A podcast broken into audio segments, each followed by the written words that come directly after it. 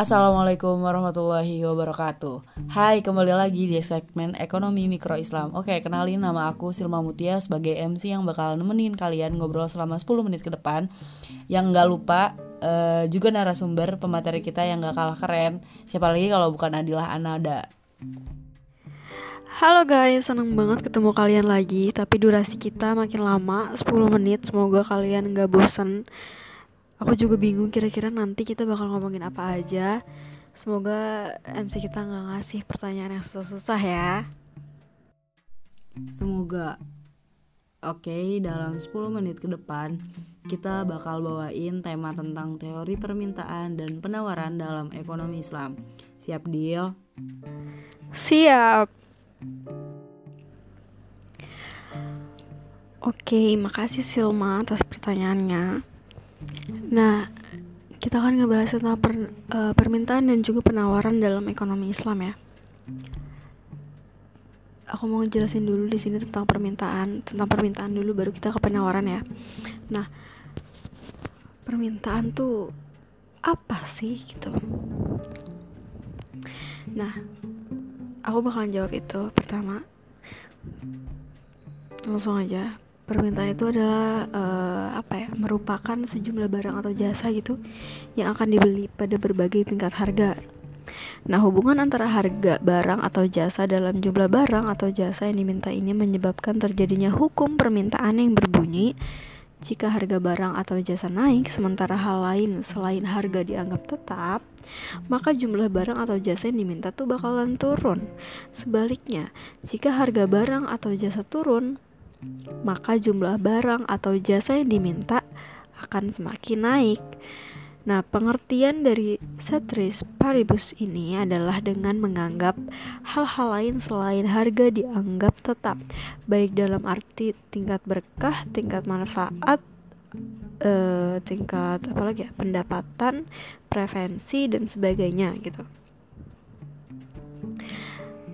Nah, jika dari hal-hal lain yang nggak dimaksudkan itu berubah, maka hukum permintaan di atas nggak akan berlaku lagi gitu. Nah, tadi kan udah tuh uh, permintaan. Kalau penawaran kayak gimana? Oke, Sil, kalau tentang penawaran ini tuh balik lagi kita harus tahu dulu dasarnya dulu. Oke. Okay jangan sampai udah ngejelasin panjang-panjang tiba-tiba dia nggak tahu gitu ini tuh apa ini tuh apa gitu. Jadi aku bakal jelasin penawaran itu apa sih gitu. Penawaran merupakan jumlah barang atau jasa yang akan ditawarkan tentu pada berbagai tingkat harga dan jumlah tertentu gitu Hubungan antara harga barang atau jasa dan jumlah barang atau jasa yang ditawarkan menyebabkan terjadinya hukum penawaran yang menyatakan bahwa semakin tinggi tingkat harga suatu barang dengan hal lain selain harga dianggap tetap, maka akan semakin banyak barang yang akan ditawarkan agar kemaslahatan total maksimum tercapai. Sebaliknya, semakin rendah suatu suatu barang harganya itu, maka akan semakin sedikit jumlah barang yang ditawarkan oleh produsen gitu. Gitu deh.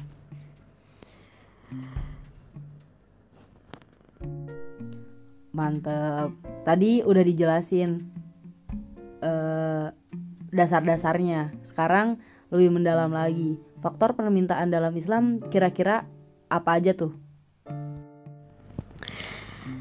Karena tadi kita udah bahas tentang uh, dasarnya. Nah di sini aku mau ngejelasin tentang faktor-faktor selain harga yang mempengaruhi permintaan dalam ekonomi Islam. Nah faktor pertama ada pendapatan konsumen. Kenapa bisa berpengaruh gitu ya? Nah, kenaikan pendapatan konsumen ini akan meningkatkan daya beli konsumen. Nah, hal ini akan meningkatkan jumlah pembeliannya, kecuali untuk pembelian barang-barang inferior ya yang menurut ekonomi Islam tuh naiknya pendapatan nggak boleh dipergunakan secara berlebihan atau boros sehingga meningkatnya pendapatan diharapkan akan meningkatkan permintaan hingga batas tidak berlebihan atau dalam bahasa Arabnya israf gitu ya. Nah, faktor yang kedua adalah harga barang lain yang terkait.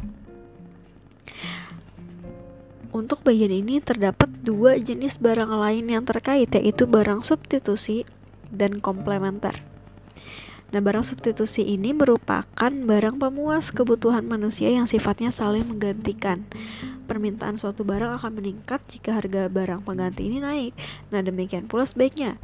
Sebaliknya, sebaiknya kan. Sebaliknya gitu. Jika permintaan suatu barang turun, maka harga barang pengganti akan ikutan turun. Misalnya, harga laptop itu melonjak tinggi. Nah, permintaan terhadap kom uh, komputer gitu ya akan meningkat. Sementara itu, barang komplementer merupakan barang yang kegunaannya saling melengkapi satu sama lain. Complement, complete, gitu. Kalau tadi kan substitusi udah jelas ganti ya diganti itu deh substitusi menggantikan kalau komplementer kan complete gitu melengkapi karena dia itu saling melengkapi gitu maka permintaan suatu barang akan meningkat jika harga barang komplementernya itu turun. Demikian pula sebaliknya, permintaan suatu barang akan menurun jika harga barang komplementernya naik. Misalnya, permintaan kopi akan menurun jika harga gulanya naik. Ya kan? Karena kopi tanpa gula itu jadinya pahit banget, guys. Mereka kan saling melengkapi ya. Nah, lalu faktor yang ketiga ya, itu ada selera konsumen. Kenapa itu bisa masuk? Gitu. Di sini jawabannya ekonomi Islam itu nggak melarang seseorang untuk mengikuti seleranya selama seleranya itu nggak bertentangan dengan uh, prinsip dan syariat Islam ya. Contohnya aja nih dalam kisah gitu ya Rasulullah itu menyukai makanan yang diolah yang di apa ya dicampur atau diolah atau yang dibuat gitu ya dari labu. Nah beliau juga menyukai baju yang panjang-panjang gitu kayak gamis. Nah terus beliau juga menyukai warna putih pada bajunya. Dan Nabi Muhammad juga menjelaskan mengapa beliau menyukai hal tersebut gitu. Seperti labu. Labu ini sangat baik untuk kesehatan badan Terus uh, baju gamis, baju gamis ini lebih menutup aurat dan sederhana pemakaiannya. Selain tidak uh, boleh melanggar syariah ya, pemenuhan selera juga harus mengikuti moralitas Islam seperti tidak berlebihan atau melakukan penyanyian, memakai baju yang aneh atau di luar kewajaran. Nah, meningkatnya selera ini akan meningkatkan permintaan sekalipun harga barang itu tetap Nah, lalu yang keempat ini ada ekspektasi, harapan, bayang-bayang gitu ya. Jika konsumen e, memperkirakan harga barang atau jasa ini akan naik karena faktor dengan e, penyebab apa pun gitu, tapi harganya bakal naik gitu, konsumen itu akan meningkatkan permintaannya sebelum harga naik. Demikian pula jika konsumen memiliki ekspektasi negatif seperti ketidakpastian kondisi ekonomi atau gejolak apa ya, sosial politik gitu kan. Hal ini akan membuat konsumen belanja lebih awal sehingga akan meningkatkan permintaan. Sebaliknya, ekspektasi positif seperti uh, harapan penurunan harga, kalau yang tadi kan naik ya.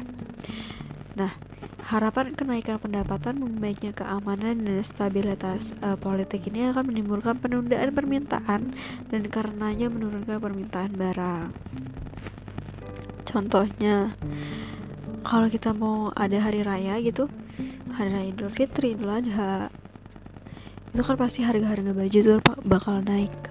Bahkan masukin Ramadan aja tuh naik gitu.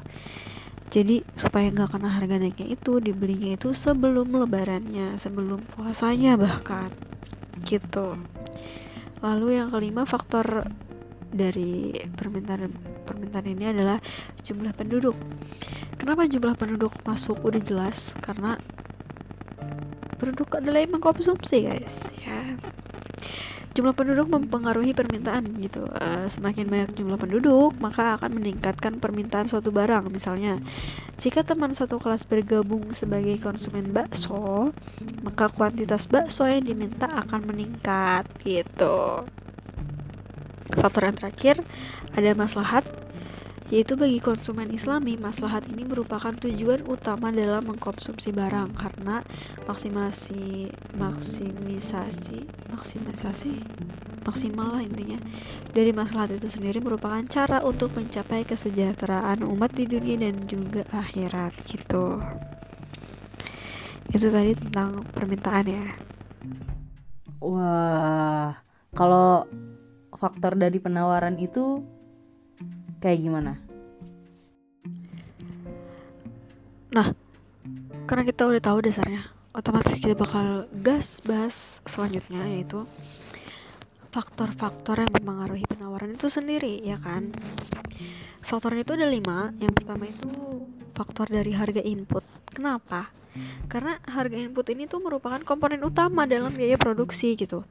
Jadi kenaikan harga input akan mempengaruhi uh, negatif terhadap penawarannya itu sendiri gitu itu akan mendorong produsen untuk mengurangi jumlah penawarannya Begitu juga dengan sebaliknya gitu, misalnya biar lebih jelas ya. Dalam memproduksi uh, sepatu gitu ya, Sil, perusahaan menggunakan berbagai input seperti kulit, karet, lem, benang, kain dan tenaga kerja serta mesin, gitu kan. Nah, ketika harga input naik, maka jumlah barang yang akan diproduksi akan berkurang sehingga laba produsen akan menurun. Nah, ekonomi Islam ini mendorong kita untuk menggunakan sumber daya lokal dengan tetap memelihara keseimbangan alam dalam pemanfaatannya. Gitu. Nah, faktor yang kedua itu ada teknologi produksi. Kenapa sih teknologi produksi ini masuk? Karena teknologi produksi ini sangat mem mempengaruhi atau sangat-sangat berpengaruh terhadap biaya produksi.